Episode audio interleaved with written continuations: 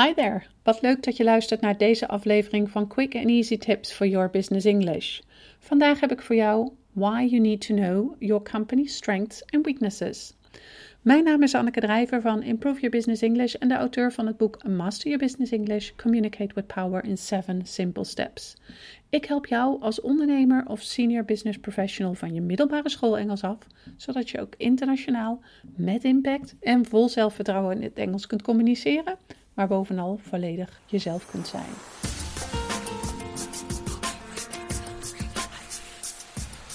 Als ik je vraag, uh, wat zijn de sterke punten van jouw bedrijf?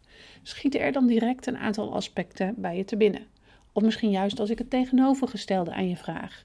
Wat zijn de minst sterke of zelfs zwakke punten van jouw bedrijf? Hè? Het is namelijk heel belangrijk om een duidelijk beeld te hebben van deze sterke en zwakke kanten van je bedrijf. Nou, waarom? Als je dit goed voor ogen hebt, dan kun je op een doelgerichte manier de tools gebruiken die voor jouw bedrijf werken. Daarnaast heb je een beter inzicht op welke beslissingen belangrijk zijn voor jouw bedrijf en heb je een duidelijker beeld welke bedrijfsstrategie bij jouw bedrijf past. Lucky you. Er bestaat namelijk een analyse die je perfect kunt gebruiken voor het in kaart brengen van die sterke en zwakke punten. Deze bespreek ik in de, deze podcast met je, inclusief Engelse key terms, zodat je deze analyse kunt toepassen op jouw bedrijf in het Engels. First things first, want hoe heet die analyse eigenlijk en waar gaat het precies over? De SWOT analysis is een afkorting voor Strengths, Weaknesses, Opportunities en Threat analysis. Het is een framework voor het identificeren en analyseren van de sterke en zwakke punten, kansen en bedreigingen van een bedrijf of organisatie. Het voornaamste doel is dus het bewustzijn vergroten van de factoren die een rol spelen bij het nemen van een zakelijke beslissing of het vaststellen van een bedrijfsstrategie. In andere woorden kijkt de SWOT-analysis naar interne en externe factoren die van invloed kunnen zijn op jouw bedrijf. Als je bezig bent met een strategisch planningsproces, is de SWOT-analysis een perfecte ondersteuning voor je besluitvoering, omdat je namelijk een duidelijk beeld krijgt van de sterke en zwakke punten, kansen en bedreigingen van je bedrijf.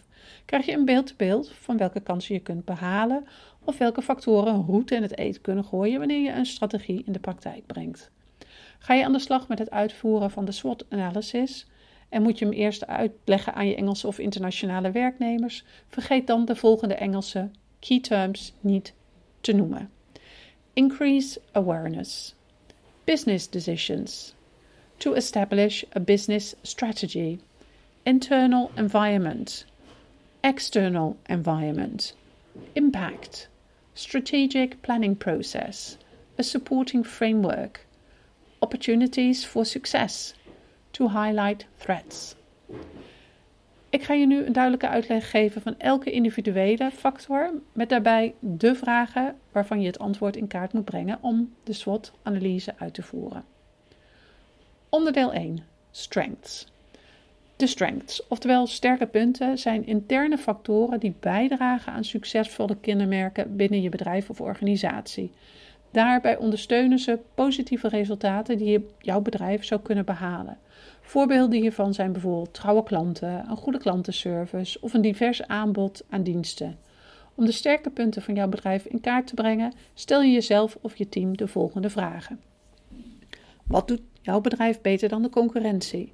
Wat merken werknemers op als positief binnen het bedrijf? Op welke aspecten binnen het bedrijf ben je trots en waarom?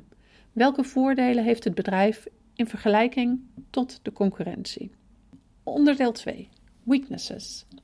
Weaknesses, oftewel zwakke punten, zijn interne factoren die niet bijdragen aan een succesvolle kenmerking binnen je bedrijf of organisatie. Deze factoren maken het juist moeilijker om positieve resultaten te behalen.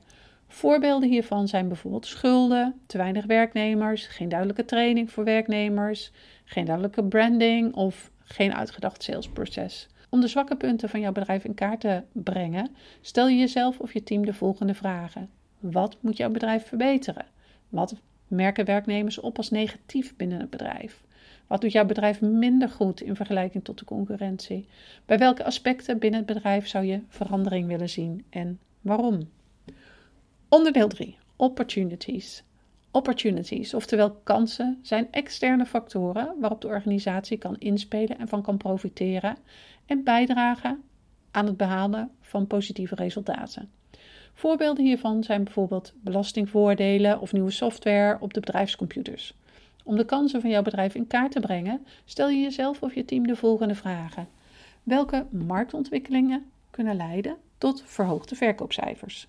Welke externe factoren zou het bedrijf bevorderen?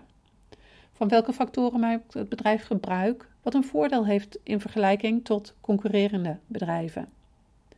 Onderdeel 4. Threats. Threats, oftewel bedreigingen, zijn externe factoren die het succes van je bedrijf of organisatie in gevaar kunnen brengen.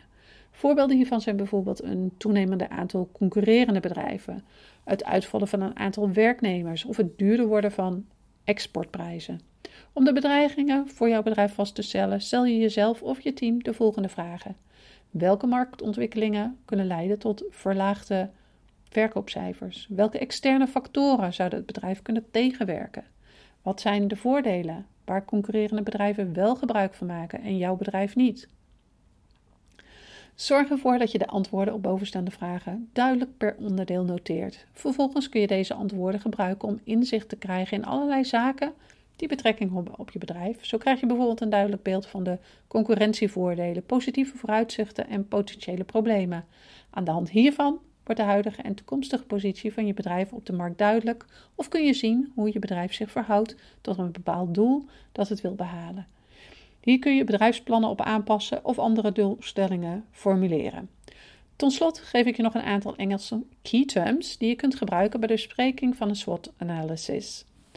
The four elements of a SWOT analysis: internal factors, external factors, to support a successful outcome, to make success difficult to attain, to take advantage of, to jeopardize success, to gain insight current position in the field, current position in the marketplace, to set a goal, competitive advantages, positive prospects, potential problems.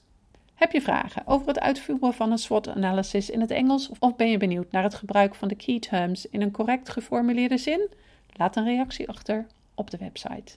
En als je deze aflevering hebt geluisterd, zou ik het enorm op prijs stellen als je een review voor ons zou willen schrijven op SoundCloud of iTunes of een beoordeling van zou willen achterlaten op YouTube. Een reactie van jou helpt anderen weer om onze podcast te kunnen vinden en daarmee hun Engels te verbeteren. See you next time at quick and easy tips for your business English.